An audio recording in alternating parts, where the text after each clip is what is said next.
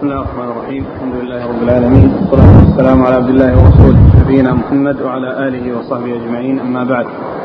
قال الإمام الحافظ أبو عيسى الترمذي رحمه الله تعالى في جامعه باب ما جاء في المظاهر يواقع قبل أن يكفر. قال حدثنا أبو سعيد الأشج. قال حدثنا عبد الله بن إدريس عن محمد بن إسحاق عن محمد بن عمرو بن عطاء عن سليمان بن يسار عن سلمة بن صخر البياضي رضي الله عنه عن النبي صلى الله عليه وآله وسلم في المظاهر يواقع قبل أن يكفر قال كفارة واحدة. قال أبو عيسى هذا حديث حسن غريب والعمل على هذا عند أكثر أهل العلم وهو قول سفيان ومالك والشافعي وأحمد وإسحاق. وقال بعضهم إذا واقعها قبل أن يكفر فعليه كفارتان. وهو قول عبد الرحمن بن مهدي. بسم الله الرحمن الرحيم. الحمد لله رب العالمين. وصلى الله وسلم وبارك على عبده ورسوله نبينا محمد وعلى آله وأصحابه أجمعين. أما بعد فيقول الإمام أبو عيسى الترمذي رحمه الله تعالى في جامعه باب في المظاهر يواقع قبل أن يكفر. أي ماذا عليه؟ هل ليس عليه شيء وأنه يستغفر الله عز وجل ويتوب مما حصل؟ أو أنه يكون عليه كفارة أخرى لكونه واقع قبل أن يكفر. أورد أبو عيسى حديث سلمة آه، سلمة بن عامر سلمة بن صخر. سلمة بن صخر رضي الله عنه أن النبي صلى الله عليه وسلم سئل عن المظاهر يواقع قبل أن يكفر قال عليه كفارة واحدة. أي أنه ليس عليه إلا كفارة واحدة التي هي كفارة الظهار. وأما مواقعته قبل أن يكفر فإن هذا معصية لا يعني عليه أن يتوب منها ولا يعود إليها ولكن ليس عليه إلا كفارة واحدة وهي كفارة الظهار. ولا كفارة للوقاع قبل المظاهرة قبل قبل التكفير وبعد المظاهرة لأنه ما جاء شيء يدل على أن عليه كفارة أخرى. ولكنه يكون عصى لأنه لأن الله عز وجل بين أن المظاهر آه لا يعني يحصل له الجماع إلا بعد أن يأتي بالكفارة ويعتق رقبه وإن لم يستطع صام شهرين متتابعين وإن لم يجد صام شهرين متتابعين وإن لم يستطع أطعم ستين مسكينا. فالكفارة تكون قبل المواقعة. هذا هو لأن الله شرط ذلك بقوله من قبل أن يتماسى فلا يجوز للإنسان أن يواقع وقد ظاهر إلا بعد الكفارة. وهذا بخلاف كفارة اليمين فإن كفارة اليمين له أن يأتي بالشيء الذي له أن يكفر قبل الحنث بعد الحنث. له أن يكفر قبل الحنث بعد الحنث. وأما هنا ليس له أن يواقع إلا بعد التكفير وبعد حصول كفارة لأن الله اشترط ذلك بقوله من قبل أن يتماسى من قبل أن يتماسى أي من قبل أن يحصل الاستمتاع من الرجل بامرأته التي ظهر منها عليه أن يكفر. ف ولكن المسألة هي في من آه، في من آه، وقع قبل أن يكفر جامع قبل أن يكفر. هل عليه كفارة أخرى؟ جمهور أهل العلم على أنه لا كفارة عليه أخرى من أجل المواقعة. وبعض أهل العلم وعبد الرحمن المهدي قال عليه كفارة ثانية. وهذا الحديث والحديث الذي بعده يدلان على أنه لا كفارة عليه أخرى وإنما عليه كفارة الظهار وقد حصل منه معصية وإقدام على أمر لا يجوز له فعليه أن يستغفر الله ويتوب وليس عليه كفارة. نعم. قال حدثنا أبو سعيد الأشج. أبو سعيد الأشج عبد الله بن سعيد ثقة أخرجه أصحاب كتب الستة عن عبد الله بن إدريس عبد الله بن إدريس الأودي ثقة اخرج أصحاب كتب الستة. عن محمد بن إسحاق. عن محمد بن إسحاق وهو صدوق أخرج حديث البخاري تعليقا ومسلم وأصحاب السنن. محمد بن عمرو بن عطاء. ومحمد بن عمرو بن عطاء هو ثقة أخرج أصحاب الكتب. ثقة أخرج أصحاب الكتب الستة. عن سليمان بن يسار. سليمان بن يسار وهو ثقة أخرج له أصحاب الكتب الستة وهو أحد فقهاء المدينة السبعة في عصر التابعين. عن سلمة نعم. ابن صخر وحديثه أخرجه أبو داود والترمذي وابن ماجه. أبو داود والترمذي وابن ماجه. قال أنبانا أبو عمار الحسين بن حريث قال أنبانا الفضل بن موسى عن معمر عن الحكى بن أبان عن عكرمة عن ابن عباس رضي الله عنهما أن رجلا أتى النبي صلى الله عليه وعلى آله وسلم قد ظاهر من امرأته فوقع عليها فقال يا رسول الله إني قد ظاهرت من زوجتي فوقعت عليها قبل أن أكفر. فقال وما حملك على ذلك يرحمك الله. قال رأيت خلخالها في ضوء القمر. قال فلا تقربها حتى تفعل ما أمرك الله به. قال أبو عيسى هذا حديث حسن غريب صحيح. ثم ورد أبو عيسى حديث عباس وهو مثل حديث سلمة بن صخر أن رجلا سأل النبي صلى الله عليه وسلم وقال إنه ظهر من امرأته وأنه وقع عليها وأنه رأى شيئا أعجبه منها فقال له النبي صلى الله عليه وسلم فلا تفعل فلا تفعل قبل أن تكفر.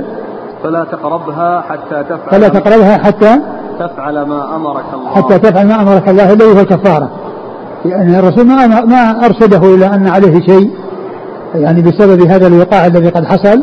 وإنما أرشده إلى التمسك بما جاء في القرآن والبقاء على ما جاء به القرآن من الامتناع من قربانها إلا بعد أن يكفر. الامتناع من قربانها من قبل أن يكفر. فلو كان هناك كفارة أخرى لبينها له رسول الله صلى الله عليه وسلم. فإذا حديث ابن عباس مثل حديث سلمة ابن صخر كل منهما يدل على أن من وقع فقد عصى ولكنه لا كفارة عليه من أجل هذا الوقاع وإنما عليه الكفارة التي هي كفارة الظهار والتي جاء جاءت في القرآن وجاءت في سنة الرسول صلى الله عليه وسلم. والظهار يعني كما هو معلوم أن يقول الرجل آه لامرأته إنها كظهر أمه أو كبطن أمه أو أخته أو عمته أو خالته أو غيرهن ممن يحرمن عليه فإن هذا يعني آه له حكم خاص جاء في القرآن وهو أنه يمتنع ذلك المظاهر من الاستمتاع بامرأته التي ظهر منها حتى تحصل منه الكفارة وعند ذلك وبعد ذلك آه، يفعل الشيء الذي آه، أباحه الله عز وجل له وهو الجماع. وأما قبل ذلك فإنه عليه إن عليه الامتناع لأن الله عز وجل بين أن أن الكفارة من قبل التماس. نعم. قال أنبأنا أبو عمار الحسين بن حريث. أبو عمار الحسين بن حريث هو صديق ثقة. ثقة أخرج له مسلم. أصحاب الكتب. أصحاب الكتب الستة إلا ابن ماجه؟ عن الفضل بن موسى. الفضل بن موسى ثقة أخرجه أصحاب الكتب الستة. عن معمر. عن معمر بن راشد الأزدي ثقة أخرجه أصحاب الكتب الستة. عن الحكم بن أبان. الحكم بن أبان هو صدوق له أوهام. صدوق له أوهام أخرج له في القراءة وأصحاب السنن. أخرجه البخاري في جزء القراءة وأصحاب السنن. عن عكرمة. عن عكرمة هو ابن عباس وهو ثقة أخرجه أصحاب الكتب الستة. عن ابن عباس. عن عبد الله بن عباس رضي الله عنهما أحد العبادلة الأربعة من الصحابة وأحد المكثرين من رواية حديث رسول الله صلى الله عليه وسلم. قال رحمه الله تعالى باب ما جاء في كفارة الظهار. قال حدثنا إسحاق بن منصور قال أنبانا هارون بن إسماعيل الخزاز قال أنبانا علي بن المبارك قال أنبانا يحيى بن أبي يحيى بن أبي كثير قال أنبانا أبو سلمة ومحمد بن عبد الرحمن بن ثوبان. أن سلمان بن صخر الأنصاري رضي الله عنه أحد بني بياضة جعل امرأته عليه كظهر أمه حتى يمضي رمضان. فلما مضى نصف من رمضان وقع عليها ليلا فأتى رسول الله صلى الله عليه وآله وسلم فذكر ذلك له.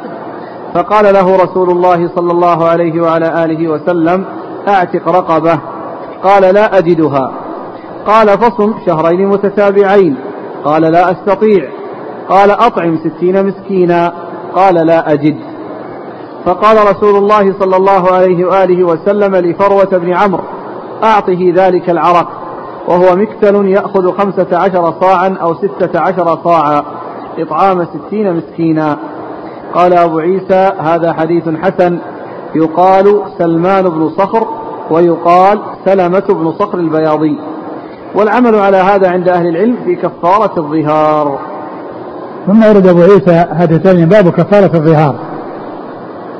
والكفارة كما بينها الله عز وجل في كتابه العزيز عتق رقبة فإن لم يستطع فإن لم يجد فإنه ينتقل إلى صيام شهرين متتابعين فإن لم يستطع الصيام فإنه ينتقل إلى إطعام ستين مسكينا. هكذا جاء في القرآن وهكذا جاءت في السنة عن رسول الله صلى الله عليه وسلم في هذا الحديث الذي هو عن سلمة بن صخر البياضي أو سلمان لأنه يقال له سلمة ويقال له سلمان وهو شخص واحد الذي مر في الحديثين السابق في الحديث السابق. وفي هذا الحديث الأول سلمة وفي الثاني سلمان هو شخص واحد. و والحديث دال آه، على كفارة الظهار وأنها آه، بهذا الترتيب وبهذا المقدار الذي هو عتق رقبة وإن لم يجد يصوم شهرين متتابعين وإن لم يستطع يطعم ستين مسكينا وهي مثل كفارة الجماع في نهار رمضان. وهي مثل كفارة الجماع في رمضان ومرتبة. يعني كل منهما مرتب يعني هذا الترتيب وكل منهما يعني فيه هذه الكفارة التي هي عتق ثم بعد ذلك آه، صيام شهرين ثم بعد ذلك إطعام ستين مسكينا. نعم. قال حدثنا إسحاق بن منصور. إسحاق بن منصور الكوسري ثقة أخرجه أصحاب كتب الستة إلا أبا داود. عن هارون بن إسماعيل الخزاز. عن هارون بن إسماعيل وهو ثقة أخرج له. أصحاب الكتب إلا أبا داود. أصحاب الكتب الستة إلا أبا داود. عن علي بن المبارك. عن علي بن المبارك وهو صدوق ثقة. وهو ثقة أخرج أصحاب الكتب الستة. عن يحيى بن أبي كثير. يحيى بن أبي كثير اليمامي ثقة أخرج أصحاب الكتب الستة. عن أبي سلمة ومحمد أبو, أبو سلمة بن عبد الرحمن بن عوف ثقة أخرج أصحاب الكتب الستة. ومحمد بن عبد الرحمن بن ثوبان هو ثقة أخرج أصحاب الكتب. ثقة أخرج أصحاب الكتب الستة. عن سلمان بن صخر. عن سلمان بن صخر وقد مر ذكره. قال رحمه الله تعالى باب ما جاء في الإيلاء. قال حدثنا الحسن بن قزع البصري قال أنبانا مسلمة بن علقمة قال أنبانا داود بن علي عن عامر عن مسروق عن عائشة رضي الله عنها أنها قالت آلى رسول الله صلى الله عليه وآله وسلم من نسائه وحرم فجعل الحرام حلالا وجعل في اليمين كفارة. قال وفي الباب عن أنس وأبي موسى رضي الله عنهما قال أبو عيسى حديث مسلمة بن علقمة عن داود رواه علي بن مسهر وغيره عن داود عن الشعبي عن النبي صلى الله عليه وآله وسلم مرسلا. وليس فيه عن مسروق عن عائشة. وهذا أصح من حديث مسلمة بن علقمة. والإيلاء هو أن يحلف الرجل ألا يقرب امرأته أربعة أشهر فأكثر. واختلف أهل العلم فيه إذا مضت أربعة أشهر. فقال بعض أهل العلم من أصحاب النبي صلى الله عليه وعلى آله وسلم وغيرهم إذا مضت أربعة أشهر يوقف. فإما أن يفي أفيء فإما أن يفيء وإما أن يطلق. وهو قول مالك بن أنس والشافعي وأحمد وإسحاق. وقال بعض أهل العلم من أصحاب النبي صلى الله عليه وآله وسلم وغيرهم إذا مضت أربعة أشهر فهي تطليقة بائنة. وهو قول سفيان الثوري وأهل الكوفة. ثم روى أبو عيسى هذه الترجمة وهي الإيلاء. هو الحلف على أن لا يقرب أهله أكثر من أربعة أشهر فأكثر. هذا هو الإيلاء الذي آه، آه، يعني له أحكام تخصه من حيث أن أنه بعد هذه المدة التي هي أربعة أشهر يلزم ب آه، يعني الفيء إن فاء إلى ما كان عليه وعاد إلى أهله وجامعهم. وإلا فإنه يطلق. إما هذا وإما هذا. أما ما كان قبل ذلك فإن هذا الإيلاء يعني لا تترتب عليه هذه الأحكام. إن إن إن يعني آه، آه، يعني آه، جامع أهله في خلال هذه المدة و وكان يعني فإن عليه كفارة يمين. بحلف أن لا يجامع يكفر عن يمينه ويجامع ولكن الشيء الذي فيه إلزام إما بالمجامعة والرجوع إلى ما كان عليه أو بالتطليق هو بعد الأربعة أشهر. أما قبل أربعة أشهر فإنه لا يكون فيه يعني شيء من هذا الإلزام بهذا أو بهذا. ليس فيه يعني شيء من الإلزام يعني بهذا وهذا. المدة إذا التي يحددها إذا إذا مكثها وبقي وبقي يعني عليها وأمضاها فيعني له أن يفعل ذلك ويحصل منه بعد الثلاث أشهر. ولكن إذا بلغ أربعة أشهر ولم يحصل منه الرجوع فإنه يلزمه إما هذا وإما هذا كما جاء في القرآن. للذين يؤلون من نسائهم تربص أربعة أشهر فإن فاءوا فإن الله غفور رحيم وإن عزموا الطلاق فإن الله سميع عليم.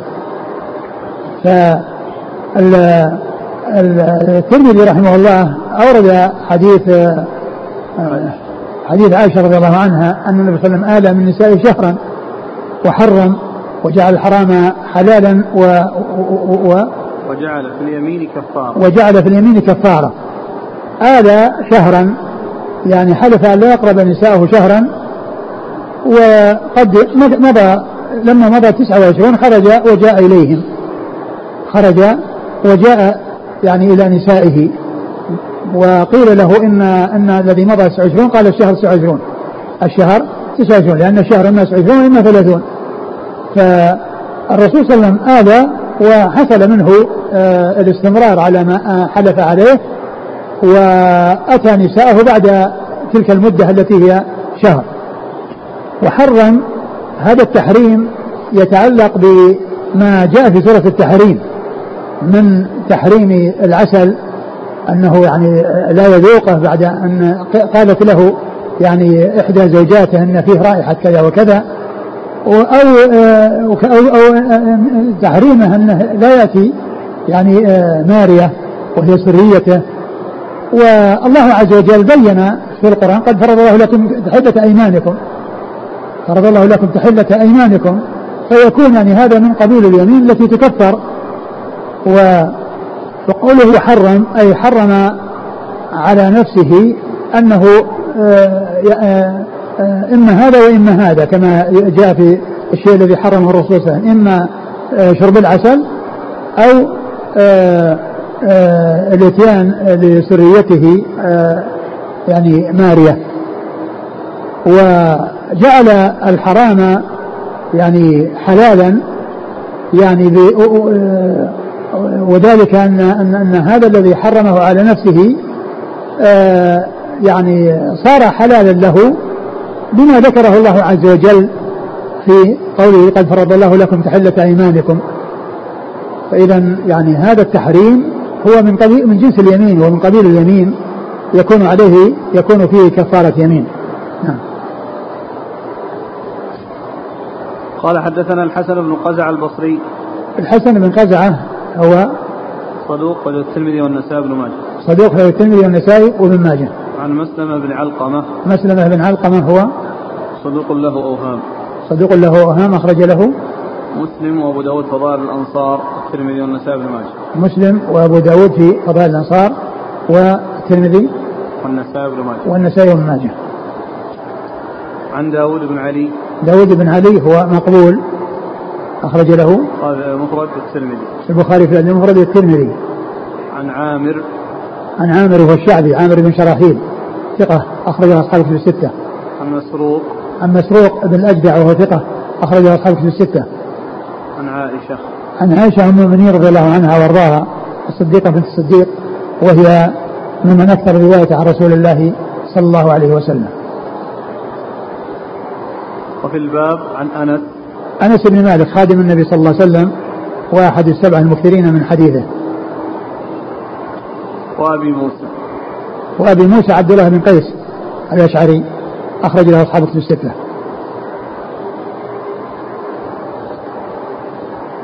قال أبو عيسى حديث مسلم بن علقمة عن داود رواه علي بن مسهر.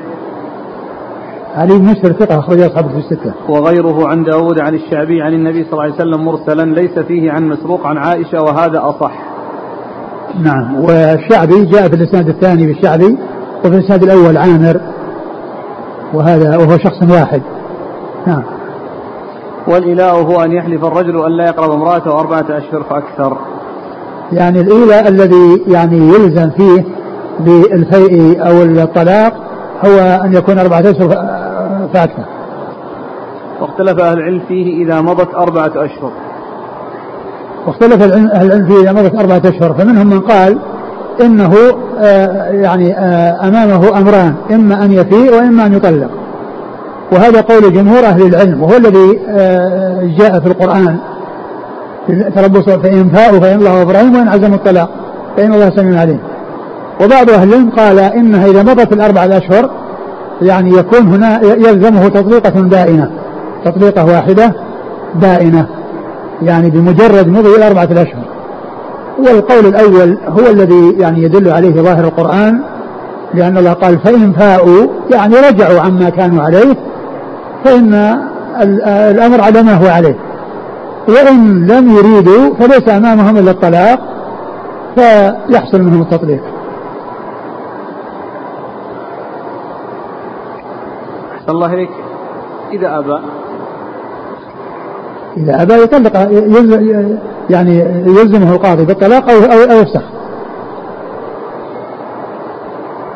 آه، إذا حدد بحلفه فحنث قبل ذلك يكون حنث. لكن إذا, إذا, إذا حلف أن لا يقرب زوجته وحدد المدة. فوطأ قبل هذه المدة يكون حانث. يصبح يكون حانث عليه كفارتين فإن قال على الإطلاق والله لا أقربك ثم بعد الأشهر ألزمه القاضي ففاء. هل يلزمه الكفارة مع الفيء؟ والله الذي يبدو أنه يلزم الكفارة. لأنه يعني حلف على أن يقربها وقد قربها. يعني وقد أراد أن يقربها فيلزمه كفارة ما اختلف أهل العلم فيما فيه إذا مضت أربعة أشهر فقال بعض أهل العلم من أصحاب النبي صلى الله عليه وسلم وغيرهم إذا مضت أربعة أشهر يوقف فإما أن يفيء وإما أن يطلق. وهو قول مالك بن أنس والشافعي وأحمد وإسحاق. وقال بعض أهل العلم من أصحاب النبي صلى الله عليه وآله وسلم وغيرهم إذا مضت أربعة أشهر فهي تطليقة بائنة. وهو قول سفيان الثوري وأهل الكوفة. نعم. يعني في المسألة الأولى إذا أمره القاضي إذا لم يرد الفيئة فطلق لكن طلقة رجعية. اي نعم. إن طلق طلقة رجعية. أما إذا فسخ القاضي نعم. بانت نعم. قال رحمه الله تعالى باب ما جاء لكنها بينونة صغرى. هنا. نعم. نعم. قال رحمه الله تعالى باب ما جاء في اللعان. قال حدثنا هناد. قال حدثنا عبدة بن سليمان عن عبد الملك بن أبي سليمان. عن سعيد بن جبير قال سئلت عن المتلاعنين في إمارة مصعب بن الزبير. أيفرق بينهما؟ فما دريت ما أقول. فقمت مكاني إلى منزل عبد الله بن عمر رضي الله عنهما. استأذنت عليه فقيل لي إنه قائل. فسمع كلامي فقال ابن جبير ادخل ما جاء بك إلا حاجة. قال فدخلت فإذا هو مفترش بردعة بردعة رحل له. فقلت يا أبا عبد الرحمن المتلاعنان أيفرق بينهما؟ فقال سبحان الله. نعم. إن أول من سأل عن ذلك فلان بن فلان. أتى النبي صلى الله عليه وآله وسلم فقال يا رسول الله لو أن أحدنا رأى امرأته على فاحشة كيف يصنع؟ إن تكلم تكلم بأمر عظيم وإن سكت سكت على أمر عظيم. قال فسكت النبي صلى الله عليه وآله وسلم فلم يجب. فلما كان بعد ذلك أتى النبي صلى الله عليه وآله وسلم فقال إن الذي سألتك عنه قد ابتليت به. فأنزل الله هذه الآيات التي في سورة النور والذين يرمون أزواجهم ولم يكن لهم شهداء إلا أنفسهم. حتى ختم الآيات. فدعا الرجل فتلا الآيات عليه ووعظه وذكره وأخبره أن عذاب الدنيا أهون من عذاب الآخرة. فقال لا والذي بعثك بالحق ما كذبت عليها. ثم ثنى بالمرأة فوعظها وذكرها وأخبرها أن عذاب الدنيا أهون من عذاب الآخرة. فقالت لا والذي بعثك بالحق ما صدق. قال فبدأ بالرجل فشهد أربع شهادات بالله إنه لمن الصادقين. والخامسة أن لعنة الله عليه. والخامسة فشهد أربعة شهد؟ إيه؟ والخامسة أن لعنة الله عليه إن كان من الكاذبين. ثم ثنى بالمرأة فشهدت أربع شهادات بالله إنه لمن الكاذبين. والخامسة أن غضب الله عليها إن كان من الصادقين. ثم فرق بينهما.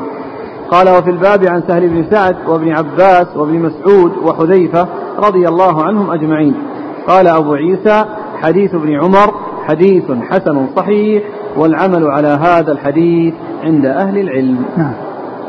قال أنبأنا قتيبة قال أنبأنا مالك بن أنس عن نافع عن ابن عمر رضي الله عنهما أنه قال لاعن رجل امرأته وفرق النبي صلى الله عليه وآله وسلم بينهما وألحق الولد بالأم.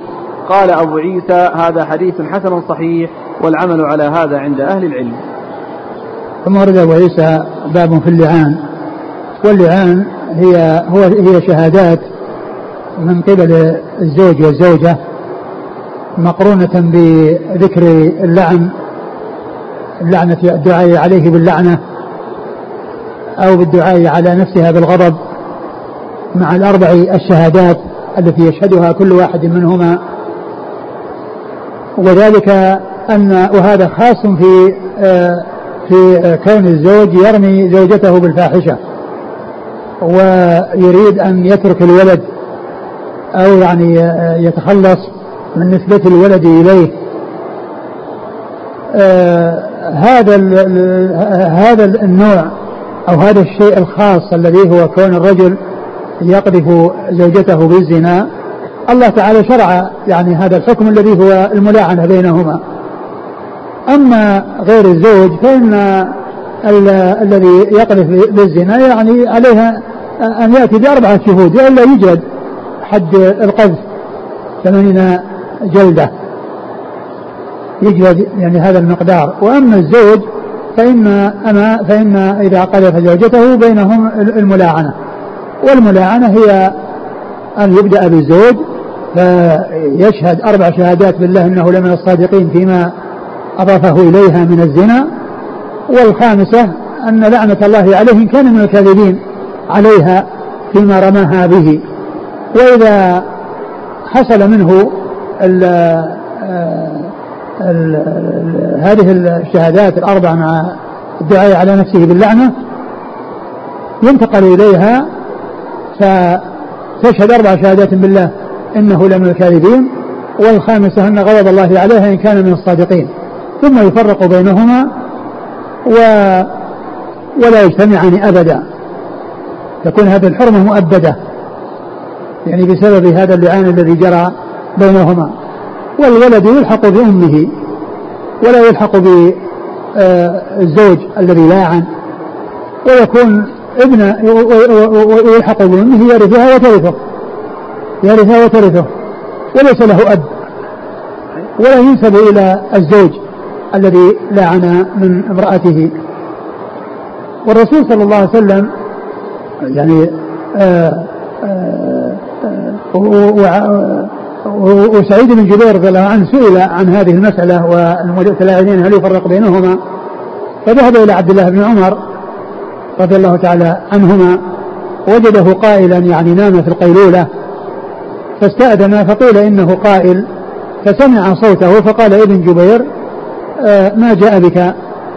قال فسأله فأجابه بالحديث عن رسول الله صلى الله عليه وسلم وأن أنه حصل يعني من فلان ابن فلان أنه قال كذا وكذا وأن أن الرسول صلى الله عليه وسلم آه أجرى الملاعنة الملاعنة بينه وبين زوجته وأنه فرق بينهما فإذا يفرق بين الزوج والزوجة بعد الملاعنة وتكون هذه الفرقة أبدية لا يجوز له أن يرجع إليها أبدا في حال من الأحوال ولا يعتبر محرما من محارمها ولا يعتبر محرما من محارمها لأن لأن هذا لأن المحرم هو من تحرم عليه على التأديب بنسب أو سبب مباح ويخرج من ذلك آه، آه، الملاعن فإنه وإن حرمت عليه على التأبيد إلا أنه لا محرمية بينه وبينها بل يعني آه، يجب الفرقة بينهما وابتعاد كل منهما عن الآخر ولا محرمية بينهما بعدما حصل هذا التأبيد الذي الفراق المؤبد. فهذا هو حكم الله عز وجل الذي جاء في القرآن. والرسول صلى الله عليه وسلم فرق بين المتلاعنين وألحق الولد بأمه فهي ترثه وهو يرثها. نعم.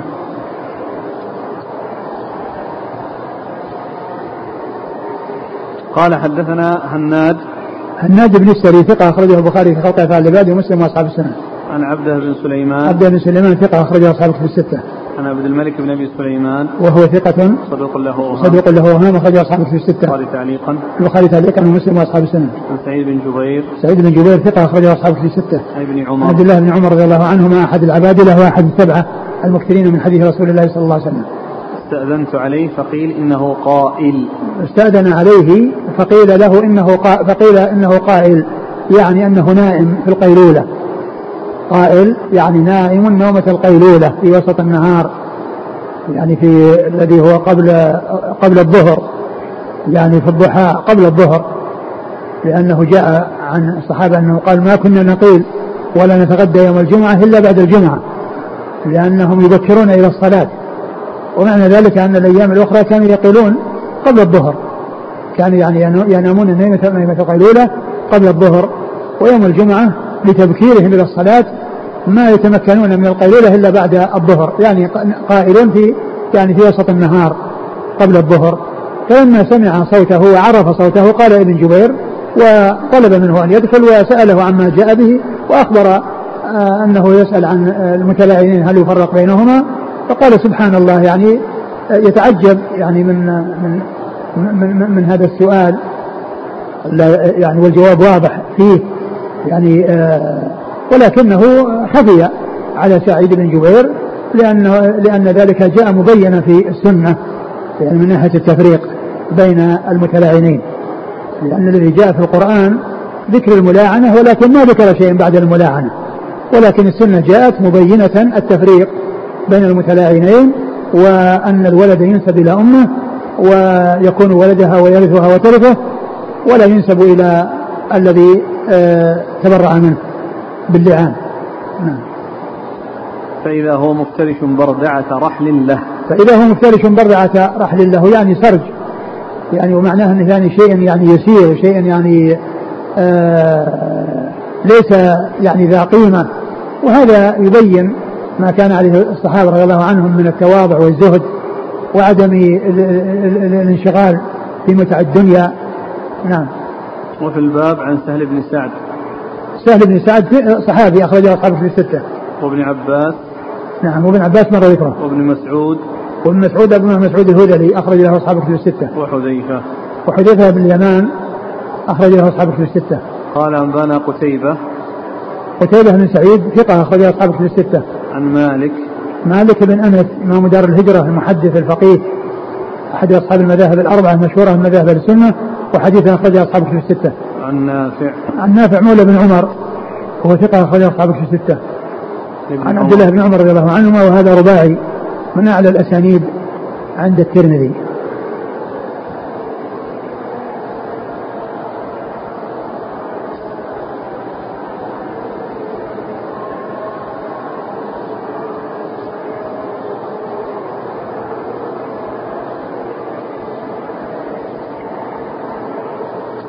قال رحمه الله تعالى باب ما جاء أين تعتد المتوفى عنها زوجها.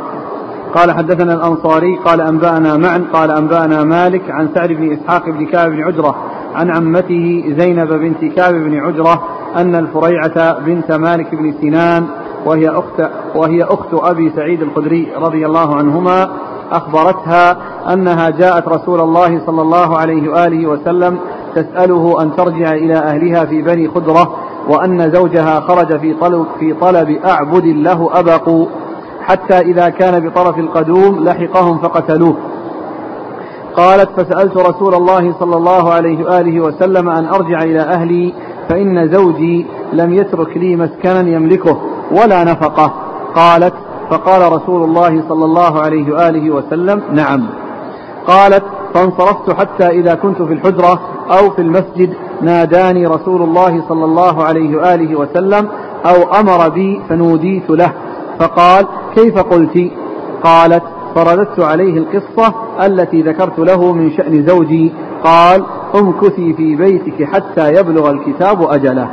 قالت فاعتددت في بيت في فاعتددت فيه أربعة أشهر وعشرا قالت فلما كان عثمان رضي الله عنه أرسل إلي فسألني عن ذلك فأخبرته فاتبعه وقضى به. قال أنبانا محمد بن بشار قال أنبانا يحيى بن سعيد قال أنبانا سعد بن إسحاق بن كعب بن عجرة فذكر نحوه بمعناه. قال أبو عيسى هذا حديث حسن صحيح والعمل على هذا الحديث عند أكثر أهل العلم من أصحاب النبي صلى الله عليه وآله وسلم وغيرهم.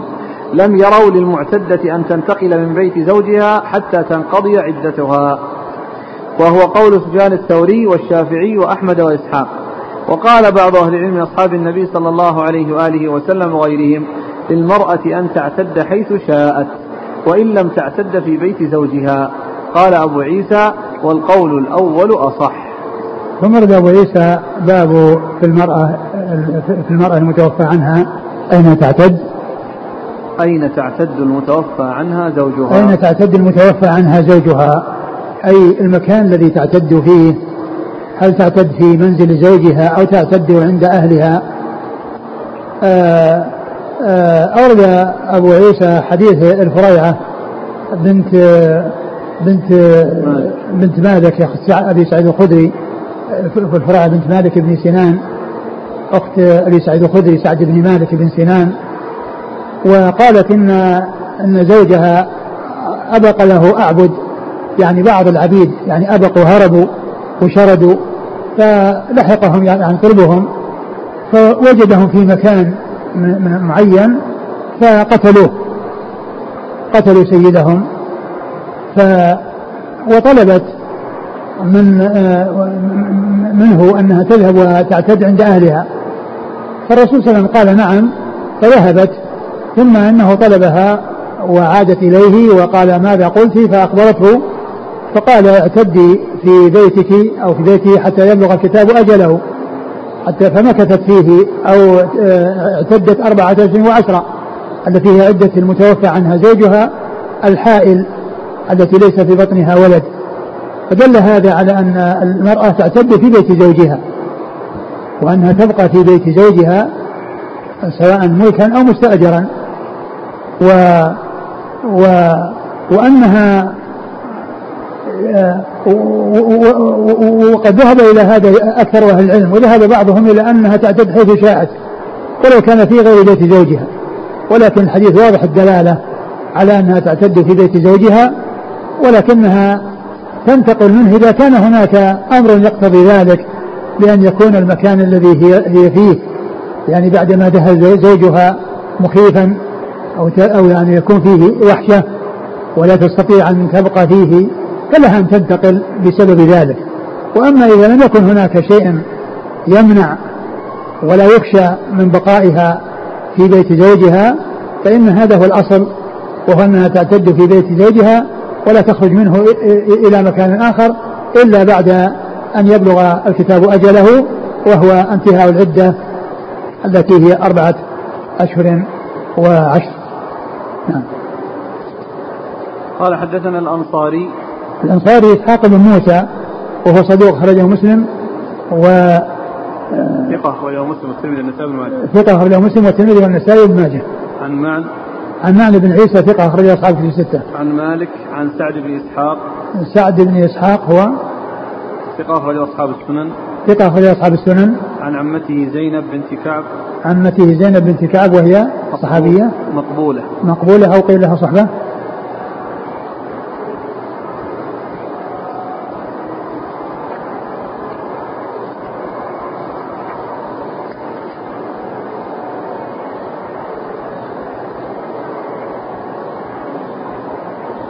ويقال لها. نعم. أخرجها أصحاب السنن. أخرجها أصحاب السنن.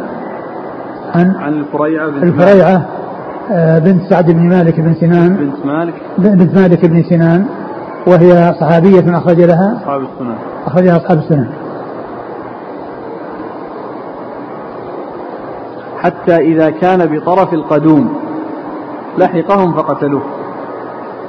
يعني مكان مكان من الأرض قال في القدوم فلحقهم أدركهم في هذا المكان فقتلوه. قتلوا سيدهم. فلما كان عثمان أرسل إلي فسألني عن ذلك فأخبرته فاتبعه وقضى به. فلما كان في خلافة عثمان أرسل إليه يسألها عن هذا الذي آه، حصل لها فأخبرته فاتبعه وعمل به. يعني أخذ هذه السنة عنها وعرف هذه السنة منها فقضى به وأفتى به رضي الله عنه وأرضاه. يعني فكانت هذه السنة معلومة عن هذه الصحابية وهي صاحبة القصة وعثمان رضي الله عنه آه، سألها عن هذا الذي حصل لها في هذه القصة فأخبرته بما أفتاها به رسول الله صلى الله عليه وسلم فاطلع ذلك عثمان رضي الله عنه وقضى به وهي أن المرأة تعتد في بيت زوجها. نعم. قال أنبانا محمد بن بشار. محمد بن بشار الملقب من الدار ثقة أخرج أصحابه في الستة. عن يحيى بن سعيد. يحيى بن سعيد القطان ثقة أخرج أصحابه في الستة. عن سعد بن إسحاق بن كعب بن عجرة فذكر نحوه بمعناه. نعم. قال أبو عيسى والعمل على هذا الحديث عند أكثر أهل العلم من أصحاب النبي صلى الله عليه وسلم وغيرهم. لم يروا للمعتدة أن تنتقل من بيت زوجها حتى تنقضي عدتها. وقول وهو قول سفيان الثوري والشافعي وأحمد وإسحاق. وقال والقول الثاني؟ وقال بعض أهل العلم أصحاب النبي صلى الله عليه وسلم وغيرهم للمعتد للمرأة أن تعتد حيث شاءت وإن لم تعتد في بيت زوجها. قال أبو عيسى والقول الأول أصح. لأنه يدل عليه الدليل عن رسول الله صلى الله عليه وسلم. انتهى الكتاب؟ نعم. وقد انتهى بهذا كتاب الطلاق واللعان ونتوقف عن التدريس إلى أول شهر المحرم إن شاء الله. وذلك بسبب آه، قرب الاختبار للطلاب وبعده وفي أثناء الاختبار يبدأ توعية الحجاج فنعود إلى التدريس لتوعية الحجاج إن شاء الله يعني في يعني بعد العشر أو بعد مضي عشر من هذا الشهر نعود إلى التدريس لتوعية الحجاج وفي أوائل المحرم إن شاء الله نعود إلى تدريس كتاب البيوع من جامع الترمذي والله تعالى أعلم وصلى الله وسلم وبارك على عبده ورسوله نبينا محمد وعلى آله وأصحابه أجمعين. جزاكم الله خيرا وبارك الله فيكم ونفعنا الله بما قلتم وغفر الله لنا ولكم وللمسلمين أجمعين. ذكرتم أنها تعتد في بيت زوجها وإن كان مستأجر وهي هو لم يترك لها نفقة فحينئذ ستنفق.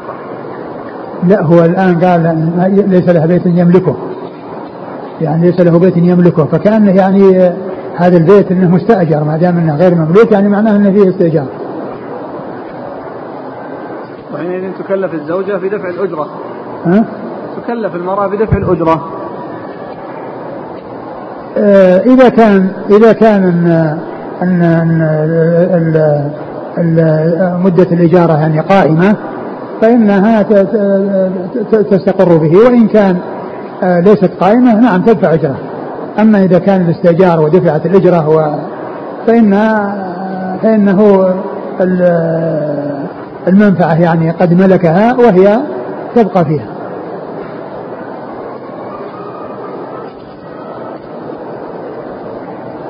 ما هي الحالات التي يمكن للمرأة المتوفى عنها زوجها أن تخرج من البيت؟ يعني كان يكون المكان موحش وأنها تخشى من من أن يعتدي عليها أحد و هذا هو الذي يعني يمكن أنها تخرج. يقول فضيلة الشيخ عندنا إذا طلق الرجل امرأته بغير وجود القاضي يحسم عليه مبلغ ما بين خمس آلاف إلى عشرة آلاف. إذا طلق الرجل امرأته بغير وجود القاضي. بغير وجود القاضي؟ إيه؟ آه. يحسم عليه من خمس آلاف إلى عشرة آلاف. يحسب عليه؟ يحسم يحسم من أين يظهر من راتب ها؟ وكيف يعني يحسم عليه يعني؟ وش والطلاق يعني لا يكون الا عند نعم. القاضي؟ هكذا تقول الحكومة. يمكن يكون يمكن أن يكون يعني الطلاق بدون أن يكون عند القاضي ولكن يعني كونه يعني يوثق أو كون الناس يحتاجون إلى توثيقه يعني هذا شيء آخر. وأما فإن الطلاق يقع ولو لم يصل إلى القاضي.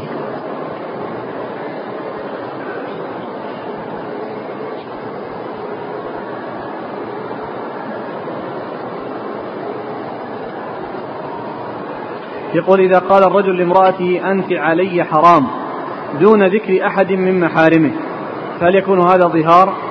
والله هذه مسألة خلافية بين العلم منهم من قال بأنه ظهار ومنهم من قال غير ذلك. أما إذا أضاف يعني شيء من محارمة فالأمر واضح يعني آه كما تحرم أمي أو كما تحرم أختي كما كذا هذا ظهار.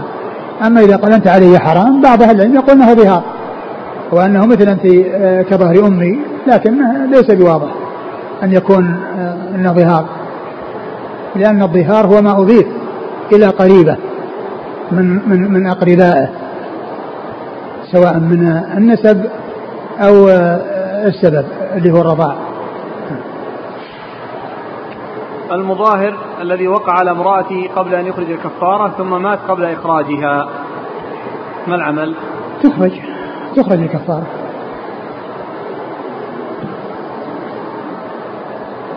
الآن عنده هي أقول الكفارة تخرج. يعني الإنسان إذا مات عليه كفارة أو عليه دين يعني فإنه يخرج. يعني من من ماله إن كان له مال وإلا يعني إن تحمله أحد يعني من أقربائه يتحمله ولكنه لا يلزم لا يلزم أقرباء ذلك. يعني هو الآن إنه يعتق رقبه فإن كان يوجد رقاب يستطيع يشترون يعتقون. ما عنده. انتقل إلى الصيام. فهل يصومون عليه ولا مباشرة ينتقلون إلى الإطعام؟ الصيام لهم ان ينتقلوا إلى الإطعام. لهم ان ينتقلوا لأن الآن ما أمكن يعني بالنسبة له يعني لا هذا ولا هذا والصيام يعني أيضا كذلك الإطعام. وان وإن صاموا عنه فلهم فلهم أن يصوموا لأن لأن الكفارة كفارة المتتابعة سواء كانت عن ظهار أو عن أو عن أو عن لكن الظهار هذا يعني كما هو معلوم يعني آه إنما تكون عند عند أن يرجع بعد أن يرجع وهذا ما في رجوع. لا هو رجع. لا. رجع يعني وقع, وقع نعم. هذا هو الذي يلزم نعم. هذا هو الذي آه لزمته الكفارة واقربائه لهم أن يقوموا بما يستطيعونه إن استطاعوا أن يعتقوا ورأوا ذلك فلهم ذلك وإن رأوا أنهم يصومون عنه صاموا وإن لم يحصل لا هذا ولا هذا فلهم أن يطعموا. وكل ذلك ليس على الوجوب. نعم. هذه الأشياء كلها يعني إذا أبوا كلهم راضين صح زي كذا؟ هذا كله يعني هذا مثل الذي عليه دين ولا وجد من يسدده. أقول من جنسه. ويصدق عليه حديث النبي صلى الله عليه وسلم الميت معلق لا هذا ما هذا هذا ما قال دين هذه كفارة هذه من حقوق الله عز وجل ليست من حقوق الناس.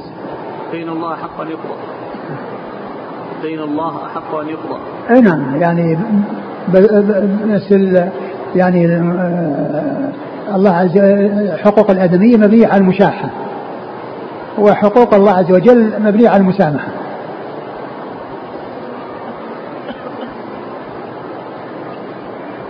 يقول إذا تزوج امرأة بنية الطلاق لكن بعد الزواج لم يطلق.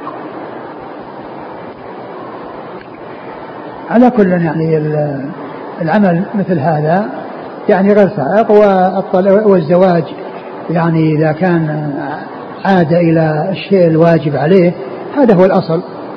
هذا هو الأصل يعني نيته سيئة. ويعني على قول يعني بعض أهل العلم وبعض أهل العلم يجيز ذلك. لأن هذا ما هو محل اتفاق بينه وبينهم. لو كان اتفاق صار متعة. صار نكاح متعة. وأما هذا الطرف الثاني ما يدري. وما يعرف عن هذا الشيء عن هذا هذه النية شيء. ولو عرفت المرأة يمكن لا تقدم لا تقدم على هذا على أن يعني يتزوجها بنية أن يطلقها. لو علمت المرأة ما ما أقدمت على ذلك. ما أقدمت على ذلك. فإذا يعني هذا هو الأصل. فإذا تبقى الزوجية على ما هي عليه لأنه بقاء للأصل الذي يجب أن يكون الأمر عليه إذا شرع المظاهر في الكفارة وواقع زوجته قبل أن يقضي المدة فماذا عليه؟ هل يستأنف من جديد؟ لا ما يستأنف يعني يستكمل الكفارة الذي لم يجد ما يكفي به في كفارة الظهار حالا ولكن ربما يجد في المستقبل. هل تبرأ ذمته أو أنها تلزمه؟ أصلا لن يرجع إلى زوجته إلا بعد الكفارة لأنه سيبقى موقوف الأمر حتى يكفر.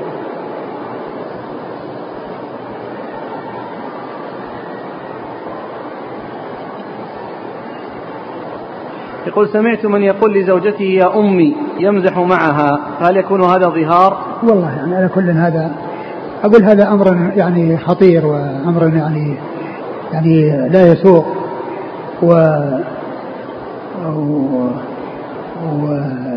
وقضية الأخت هي التي يكون فيه مجال احتمال أن يعني يقصد أخته في الإسلام أو كذا وأن آه، ولا لا يصح ذلك ولا ينبغي.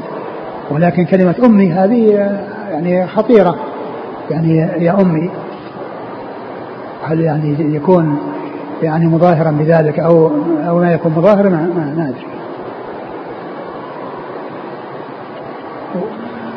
رجل آلى من زوجته خمس سنوات ولم تترك بيته من أجل الأولاد ولم يقربها ثم راجعها بعد الخمس سنوات. فهل هذا الفعل صحيح وماذا عليه؟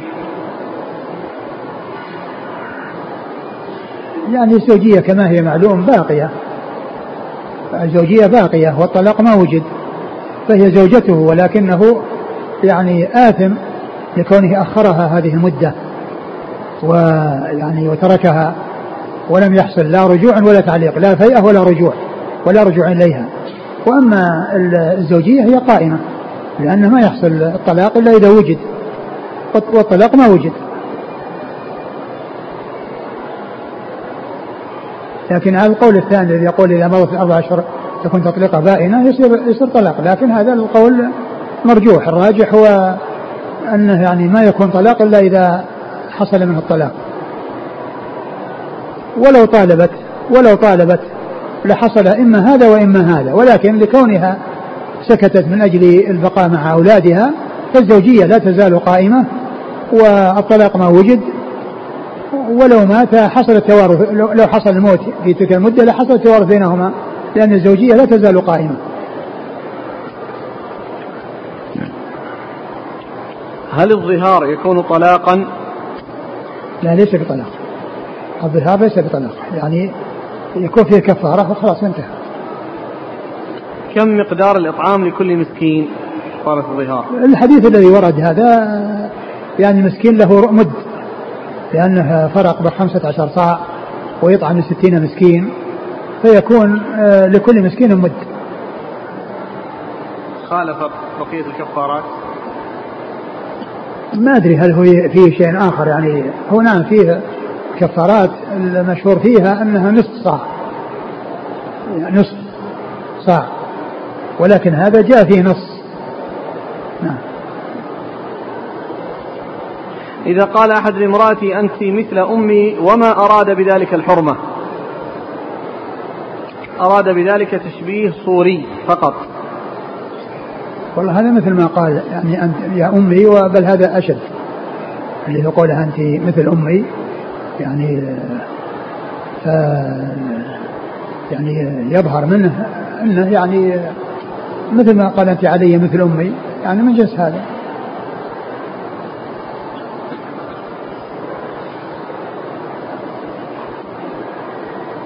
هل الإيلاء مقيد بأربعة أشهر فأكثر؟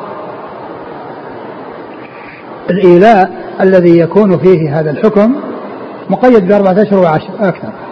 أما يعني ما دون ذلك ف آه، آه، فإنه آه، ليس له هذا الحكم. ولهذا عرفوه قالوا أن يولي من نفسه من امرأته أربعة أشهر فأكثر.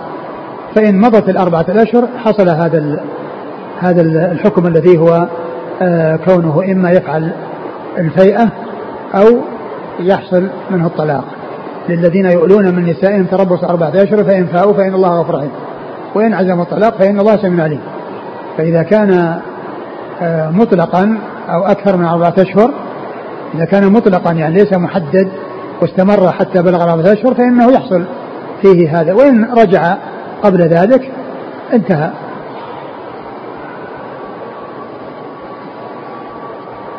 ما الحكمة من جعل اللعن على الرجل والغضب عند المرأة؟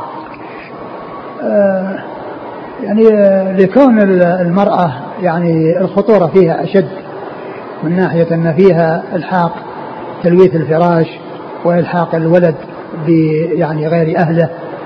فمن ذلك جاء ذكر الغضب الذي هو يعني أشد من اللعن. ينقل عن العلماء قولهم البلاء موكل بالمنطق. نعم هذه الكلمة البلاء موكل بالمنطق هذه مشهورة تقال لكنها لا تقال إلا إذا وجد البلاء بعد المنطق. إذا وجد البلاء بعد المنطق قالوا البلاء موكل بالمنطق. وأما إذا وجد كلام يعني ولم يحصل بعده بلاء ما يقولون هذه العبارة وإنما يقولونها ويتذكرونها عندما يحصل البلاء بعد المنطق.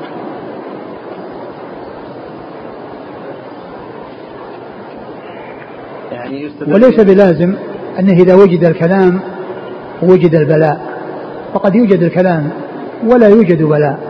لكنها تقال عندما يوجد الكلام ثم يوجد البلاء. قال والبلاء يقولون البلاء موكل بالمنطق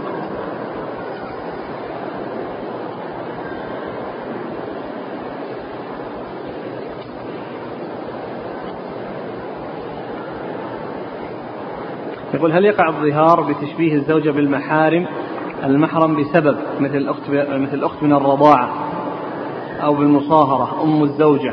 اي نعم. إذا قال أنت علي كذا هذه محرمات عليك. أنت علي كأختي من الرضاعة وكأم من الرضاعة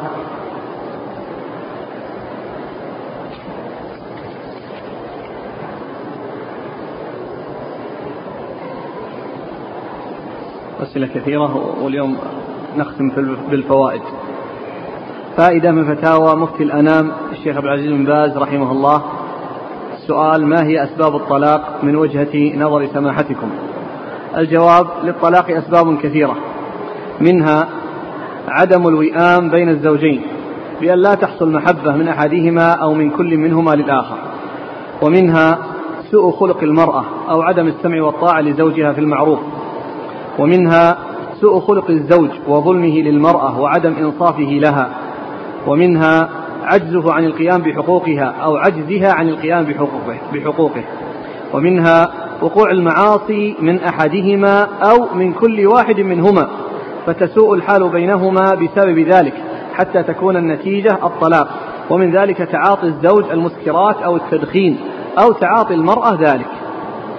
ومنها سوء الحال بين المرأة ووالدي الزوج أو أحدهما وعدم استعمال السياسة الحكيمة في معاملتهما أو أحدهما. ومنها عدم عناية المرأة بالنظافة والتصنع للزوج باللباس الحسن والرائحة الطيبة والكلام الطيب والبشاشة الحسنة عند اللقاء والاجتماع. من, من مجلد فتاوى الطلاق الصادر عن سماحة الشيخ. نعم.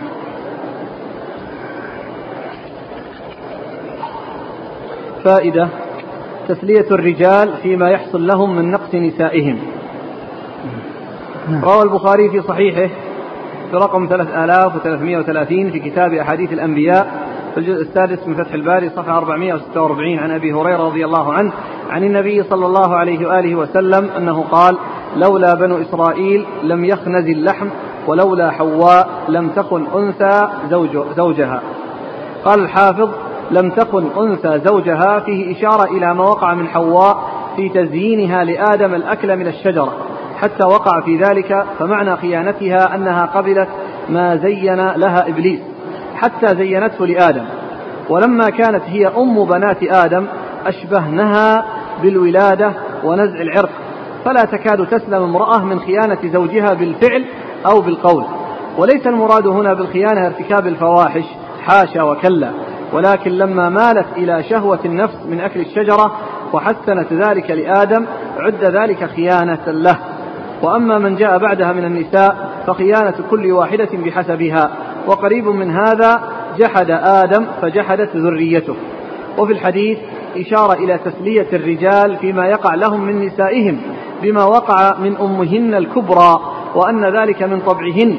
فلا فلا يفرط في لوم من وقع منها شيء من غير قصد إليه أو على سبيل الندور وينبغي لهن ألا يتمكن بهذا في الاسترسال في هذا النوع بل يضبطن أنفسهن ويجاهدن هواهن والله المستعان.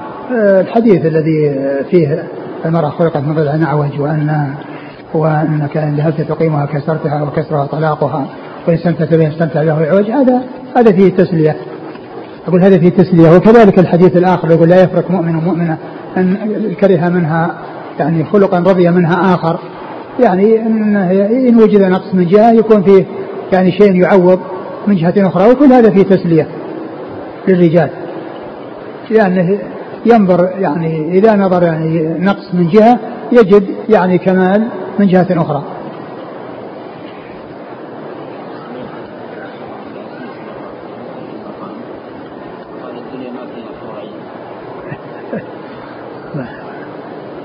على كل الكمال أقول الكمال يعني عزيز. فائدة عن الشيخ محمد إبراهيم رحمه الله في التوقيع فقط على ورقة الطلاق. قال الشيخ محمد بن إبراهيم رحمه الله لا شك أن الإمضاء على ورقة الطلاق ليس من صنيع الطلاق ليس من صيغ ليس من صيغ الطلاق لا من الصريح ولا من الكناية. إذ الزوج لم يكتب طلاق زوجته وغاية ما في الأمر أنه كتب اسمه تحت كتابة وإن تحت كتابة وإنشاء غيره. فإذا لم يتلفظ بشيء مما كتب في الورقة فلا يظهر لنا وقوع الطلاق منه بإمضاء الورقة. نقلا عن توضيح الأحكام للشيخ البسام الجزء الخامس. وقال الشيخ عبد الرحمن بن سعدي رحمه الله الصحيح أن ألفاظ الطلاق لا تتعين بلفظ مخصوص. فكل لفظ أفاد معنى الطلاق فإنه يصح يصلح أن يكون من ألفاظ الطلاق كما هو في المعاملات وغيرها. مسألة طلاق السكران واختلاف العلماء. المسألة القول الأول أجمع الأئمة الأربعة على أن السكران الآثم بسكره يقع طلاقه. أجمع؟ ها؟ أجمع؟ هكذا. هذا من كلام الشيخ البستان توضيح الأحكام أجمع الأئمة الأربعة. على أن السكران الآثم بسكره يقع طلاقه ويؤاخذ بسائر أقواله وأفعاله. والرواية الأخرى عن الإمام أحمد أنه لا يقع طلاقه. اختاره ابن عقيل والموفق والشارح والشيخ تقي الدين وابن القيم وقال به جماعة من التابعين. قال الزركشي إن الأدلة أو إن أدلة هذه الرواية أظهر. ورجح هذه الرواية الشيخ محمد بن إبراهيم والشيخ عبد الرحمن بن السعدي رحمهم الله. من توضيح الأحكام. أي نعم اللي هي قضية أن يكون يقع. وذاك الإجماع يعني الأئمة الأربعة يعني. يعني ليس إجماع العلماء. سئل شيخ الإسلام رحمه الله عن رجل ترك زوجته ست سنين ولم يترك لها نفقة ثم بعد ذلك تزوجت رجلا ودخل بها ثم حضر الزوج الأول فأجاب إن كان النكاح الأول فسخ لتعذر النفقة من جهة الزوج وانقضت عدتها ثم تزوجت الثاني فنكاحه صحيح. وإن كانت تزوجت الثاني قبل فسخ النكاح الأول فنكاحه باطل. نحن من نعم الله علينا في هذا المجلس أن نصلي على النبي صلى الله عليه وسلم كل يوم ما يكتبه الله يسره لنا. فمع هذا التوقف ربما نحرم من هذه النعمة. فكان لعله من المناسب أن نقرأ من مقدمة الشيخ الألباني رحمه الله في تحقيقه لكتاب آه، فضل الصلاة على النبي صلى الله عليه وسلم. يقول الشيخ وأخيرا فإن وصيتي إليك أيها المسلم أن تقرأ هذا الكتاب وتعمل بما فيه من الأحاديث الثابتة عنه لتحظى بالحياة الطيبة وتسعد في الدنيا والآخرة. وجملة ذلك أن تكثر من الصلاة عليه صلى الله عليه وآله وسلم في سائر أوقاتك فإنك تنال بها عند الله صلاة منه عليك. ويرفع درجتك ويكثر في ويكثر في حسناتك ويمحو من سيئاتك ويكفيك هم الدنيا والآخرة. وصل عليه حيثما كنت فإن سلامك يبلغه وإن كان لا يسمعه. فإن لله ملائكة سياحين يبلغونه سلام من سلم عليه خصوصية خصه بها ربنا تبارك وتعالى دون العالمين. وخص يوم الجمعة بالإكثار منها فإنها تعرض عليه وهو في قبره لم تأكل الأرض جسده الشريف. فإن الله حرم على الأرض أن تأكل أجساد الأنبياء. وصل عليه بصورة أخف وآكد كلما ذكر. فإنك إن لم تفعل كنت عنده بخيلا. ولو كنت بالمال أكرم من حاتم الطائي. وإياك أن تنسى وتترك الصلاة عليه صلى الله عليه وآله وسلم. فيميل بك ذلك عن طريق الجنة. وسل الله له الوسيلة التي هي أعلى درجة في الجنة. تنل بذلك شفاعة خاصة. وإذا جلست مجلسا فإياك أن تقوم منه. دون أن تذكر الله وتصلي على نبيه محمد صلى الله عليه وآله وسلم. فإنك إن لم تفعل ذلك كان المجلس عليك نقصا وحسرة يوم القيامة. واستحققت بذلك عذاب الله تعالى إلا أن يغفر, أن يغفر, أن يغفر لك. وإذا صليت عليه فصل بما ثبت عنه صلى الله عليه وآله وسلم من صيغ الصلاة الإبراهيمية. وصل عليه حين تدخل المسجد. وعند الخروج منه وفي صلاة الجنازة وفي كل الصلوات بعد التشهد وقبل الدعاء وسلم عليه إذا وقفت على قبره ولا تزد عليه اقتداء بعبد الله بن عمر رضي الله عنهما. أسأل الله تعالى أن يثيب المؤلف هذا هذا الكتاب ومن أمر بطبعه ومن حققه وصلى الله وسلم على نبينا محمد. لا شك أن كون المسلم يحرص على الإكثار من الصلاة والسلام على رسول الله صلى الله عليه وسلم لا شك أن هذا من حقوق النبي صلى الله عليه وسلم على أمته. لأنه دل الأمة على كل خير وحذرها من كل شر فمن حقه على أمته أن يصلوا ويسلموا ويصلوا ويسلموا عليه وأن يسأل الله عز وجل أن يصلي ويسلم ويبارك ويبارك عليه. صلوات الله وسلامه وبركاته عليه. ويكون الإنسان آه، حريصا على ذلك في مختلف أوقاته. فيما ورد في شيء مخصوص عند دخول وخروج المسجد وبعد الأذان ويعني آه، وكذلك قبل الدعاء كما جاء في الحديث الذي قال عجل هذا سأل دون أن يحمد الله ويصلي على رسول الله صلى الله عليه وسلم وكذلك في صلاة الجنازة شرع فيها قبل الدعاء للميت أن قراءة الفاتحة وهي حمد الله والصلاة على الرسول صلى الله عليه وسلم وهذا من أسباب قبول الدعاء. فيحرص الإنسان على أن يكثر من الصلاة والسلام عليه. صلوات الله وسلامه وبركاته عليه. جزاكم الله خيرا. سبحانك اللهم وبحمدك. أشهد أن لا إله إلا